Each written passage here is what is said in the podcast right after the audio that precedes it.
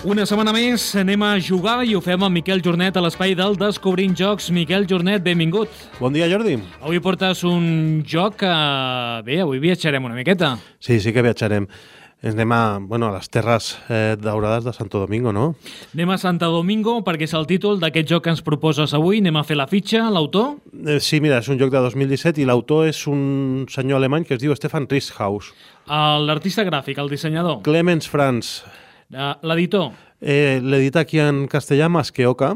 Número de jugadors. És de 2 a 6 jugadors. Edat recomanable. A partir de 8 anys. Temps de partida. 20-30 minutets. Això vol dir una partida ràpida. Uh -huh. uh, les mecàniques que utilitzarem? És un joc eh, eminentment d'especulació eh, que té una part de guessing, que el guessing en anglès vol dir això de eh, intentar esbrinar el que els altres pensen, i també és un joc de selecció d'accions simultànies, eminentment. O sigui, guessing, intentar esbrinar el que els altres pensen. Això és el guessing, sí, sí, sí. És que no hi ha una paraula en castellà intuïció, però... mm, Ah, Sí. Doncs una partida d'escacs faries molt de guessing, no? Per saber Molt, què molt. farà l'altre, no? Sí, sí, sí. Bueno, com tota la vida, també, eh? clar, clar. Uh, posicions. Mira, està en una discreta posició que és la 4.552 i té una nota mitjana, votat per la gent que ja l'ha jugat a la Wargame Geek, de 6 amb 6. El preu. Surt per uns 15 euros aproximadament. A qui agradarà aquest joc? Doncs mira, Jordi, agradarà a aquells jugadors que els va agradar la mecànica de selecció simultània de rols d'acció amb cartes del joc Missió Planeta Rojo de l'autor francès Bruno Faiduti. Si han jugat ja sabran a què em refereixo. Aquest Santo Domingo és exactament això, és com si extirpéssim aquesta part de, del joc de Faiduti eh, per fer una altra que lògicament surt més curt i més senzill. És un joc mm, per ser vius i avançar-se als altres intuint o calculant possibles jugades. Doncs després tindrem la, la música d'aquest joc de Santo Domingo. Quina cançó ens haurà preparat Miquel Jornet avui? Uh, hi ha sorpreses. Sí, I no penso més. Si Santo Domingo, aneu pensant, eh? Si éreu fans de l'Arús, de l'Arús City, sí, tot això. Ay, no donis tantas pistas. Ambientado en el mundo de Port Royal y también ilustrado por Clemens Franz, en el juego Santo Domingo, al igual que en Port Royal, se rasca la primera la misma picazón de arriesgarse en cada ronda y siempre intenta sacar el máximo posible cada turno para tu ca causa. Sin embargo, no todos son similitudes. Como un juego autónomo, Santo Domingo logra una nueva experiencia de juego con mecanismos completamente diferentes, frescos y además cuenta con más interactividad entre jugadores. ¿Estáis preparados para dominar el mundo de los negocios en el puerto de Santo Domingo? La resposta és sí, perquè si no acabaríem aquí la secció. Clar, clar, clar. Eh? Sí, sí, sempre has de dir Si, sí. si hem no, Mm, Miquel, fins a la propera setmana. pues a, a ballar sardanes. És, no, és que si no... Eh, a veure, eh, la gràcia és eh, que, bueno, Masqueoca, que és el que ho publica, també publica Port Royal i et diu que són jocs similars, perquè eh, tenen el mateix il·lustrador i el mateix toque així de ports de pirates, de, de, de transaccions comercials i tal. Eh, aquest és un joc mm, super senzill, que es basa en aquella mecànica que deia de Missió Planeta Rojo i funciona només amb, amb un tauleret eh, que es posa al centre que té dues cares. Té la cara de l'estiu, que és una cara més fàcil, que, perquè representa que els, els vaixells que venen al port de Santo Domingo a descarregar amb, amb l'estiu venen molts més barcos i és més fàcil de, de fer transaccions econòmiques i després per l'altra banda té una cara que està nevada i que és la cara d'hivern, que és un joc una mica més dur i més exigent, que quan ja has jugat diverses vegades amb, amb la cara d'estiu pots jugar amb la cara d'hivern que, que, que és una mica més per més jugadors, no? Aleshores, el tauler central és per tots, té eh, tres cubs, un vermell que marca els punts de victòria, un blau que marca els vents que, que acabes eh, aconseguint i un groc que marca un tipus de canvi, de vents a punts de victòria, que, que tots van avançant per una pista de números que, que una és per indicar punts de victòria, l'altra vents, que és de color blau, i l'altra, que és groga, la, la, dels, la dels tipus de canvi. No? Eh, segons el, el número de jugadors, eh, aquests sempre es resetegen, sempre es posen, per exemple, amb quatre jugadors, tots tres avancen tres posicions. Per tant, estaríem amb tres punts de victòria, tres vents i el tipus de canvi es posaria al, al número 3. Eh, després, cada jugador té dues cartes, una de color vermell, que és per anar marcant amb un altre cubitó de color vermell els seus punts de victòria, té fins a 30, donant-li la volta, i una altra per vents, que té fins a 15, que només és una cara. Els vents són els vents comercials, el, el, les matèries primeres que venen a, al port de Santo Domingo i tal, teles, eh, el que sigui. I després, cada jugador té una pila de cartes igual, són totes simètriques, asimètriques vol dir que tot, tothom té les mateixes cartes que són rols.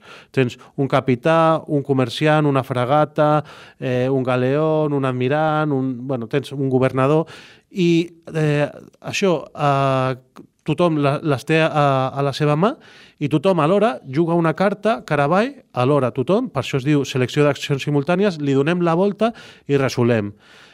Eh, hi ha accions que et permeten, eh, per exemple, el, el capità et permet mm, agafar punts de victòria de, del tauler central fins a un màxim de dos punts de victòria. Com ara el tenim en tres, si algun altre jugador ha jugat un altre, un altre admirant, eh, només ens repartiríem un punt de victòria cadascú, perquè el, el 3 no és divisible eh, entre dos. No? Eh, I sempre resolen per, per ordre numèric. El primer que resol és el capità, després el número 2, que és l'admirant, després el número 3, que és el governador, i anem, anem resolent això eh, en aquest ordre. Pot ser que, eh, que clar, les cartes més baixes donen menys avantatge que les cartes més altes, però, però es resolen primer. I aquí està la gràcia, no? Intentar saber si un altre jugarà la mateixa carta que tu perquè eh, us haureu de repartir punts o us haureu de repartir béns. Després t'interessa molt eh, tirar les cartes grogues, que són les del comerciant i les de eh, l'altra, que, que és eh, el Vegar, eh, és que jo tinc l'edició en anglès, que, que et permet fer un tipus de canvi. Si, si, si la jugues tu sol, el tipus de canvi serà més beneficiós per tu i canvies, eh, canvies eh, materials de, del teu track de color blau per punts de victòria. Al final, el joc acaba quan un aconsegueix 30 punts de victòria, que és el que guanya. I tot es va jugant sempre amb el, amb el tauleret aquest, que és el que et diu quan, quantes coses et pots repartir a cada ronda i amb, amb la mateixa pila de cartes. Lògicament... Dius que són entre 20 i 30 minuts el temps de la partida. Sí, eh? sí, tenim aquestes eh, 8 cartes. Hi ha una carta que és eh, l'última, eh, que és la número 8, el Vegar aquest, que quan la tires eh, recuperes totes les cartes eh, un altre cop cap a la mà i pots tornar a jugar. Dius, això lògicament tothom ho farà a l'últim, o no, perquè a vegades t'interessa tenir cartes que tu ja has vist que els altres ja han jugat a la taula i, i dius, tornar a jugar tu aquella carta. Tornar-la a jugar perquè saps que ja no la jugaran els altres, perquè ja la tenen a sobre la taula i tota la informació és vista. Pues, aleshores, tires aquesta carta, recuperes les cartes i pots, ten, pots tornar a tenir joc. No? I aquesta és la gràcia del, del Santo Domingo, que és un joc mmm, força resultant. Eh, li donem la volta perquè vegis el tauler, com és el tauler d'hivern, que són com dues peces de, de puzzle, i el tipus de canvi canvia, eh, és una mica més dur, és, és com més cru, no? perquè eh, lògicament a l'hivern fer aquestes transaccions costa més en, en un Per tant, el recomanable seria jugar amb la versió estiu, Sí, amb, eh? si amb nens animem, sobretot. Sí, sí. nens, eh, bueno, has dit abans a partir de 8 anys, eh? sí, sí, sí.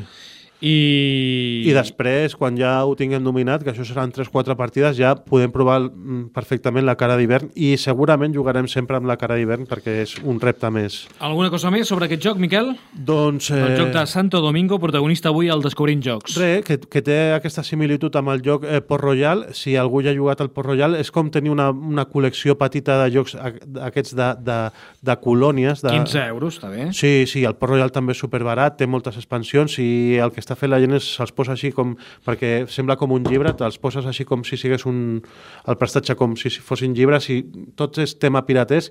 Hi ha gent que és molt detractor- detractora del Clemens Franz, de, de l'il·lustrador aquest, perquè eh, diu que, bueno, que els dibuixos no són gaire macos, però el tio és que és, mm, eh, fa molts jocs i suposo que és molt funcional, no? Eh, fa, fa uns eh, gargots super ràpids i sobretot el que sí que a mi m'agrada del- Clemens Franz és que tota la, la iconografia i tot és, és molt clara, no? Saps molt bé que són, són punts de victòria, que s'ha de fer eh, per, que, bueno, que són cubs, que són, que són béns, que, eh, que representa un jugador i, bueno, no sé, està, està prou bé. I la gràcia és que escala molt, que mm, jocs que de dos a sis jugadors no hi ha gaires, quasi tots són 3-5 o 2-4 i 2 a 6 i funciona, perquè eh, amb dos o tres jugadors et fa jugar dues cartes alhora i, i, i també funciona prou bé. Doncs quina és la música que ens proposes avui, Miquel? Em fas por avui, eh? Havíem donat una pista, no?, de, de l'Arús, eh, aquell personatge que tenia ahí de «Qué mala suerte, chato!», no? Del Pepe Vélez, no? Sí. Inspirat en... En, en José Vélez, no? Eh, Pepe Gáfez, no? José Vélez.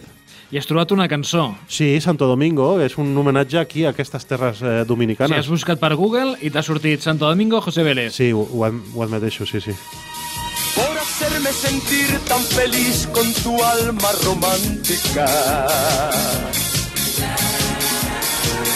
Y por ese calor de tu gente sencilla y fantástica. Yo no quisiera tener que marcharme ya nunca más. Al despedirme yo quiero cantarte sin lágrimas. Santo Domingo, esta canción es para ti. Adiós, diré así. Santo Domingo. Déu-n'hi-do, Miquel, t'has lluït avui, eh? Era això o una d'unes monges que cantaven a Santo Domingo, però al, al San Santo Domingo. I eren unes monges que treuen discos i es diuen les comunicatives. Però això ho has fet a daus, no? Tirat el dau, vinga. No, jo crec o la moneda. José aquest- Vélez o les monges. Home, José Vélez sempre. A mi m'agrada la, la instrumentació eh, de la, de I la si- cançó i com allarga les paraules. I Eh? si posa- Santo Domingo. I si posen el vídeo de Televisió Espanyola al YouTube, Impagable, veuran impagable. sí, sí, el paper de les dones d'aquella època. Uh, sí, uh, Déu-n'hi-do. Lamentable, Déu-n'hi-do. sí, sí, sí. He, he millorat en algunes coses, Per sort, sí, sí. però... I, I surt a més en el vídeo gent amb unes taules, que era un Fumant programa en allà, directe, sí, sí. fumant, bevent... Sí, amb, bé. amb les ulleres fosques, no? Sí, sí.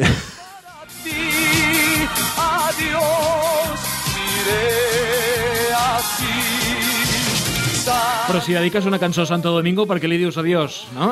Porque no te quieres marchar de allí, pero le dius adiós, sí, sí. Ah, clar, és allò de marxa, d'aquella gent que diu ei, me'n vaig, eh? Però- I canta mitja hora, ei, que me'n vaig, eh? No, no, marxa. Sí, sí.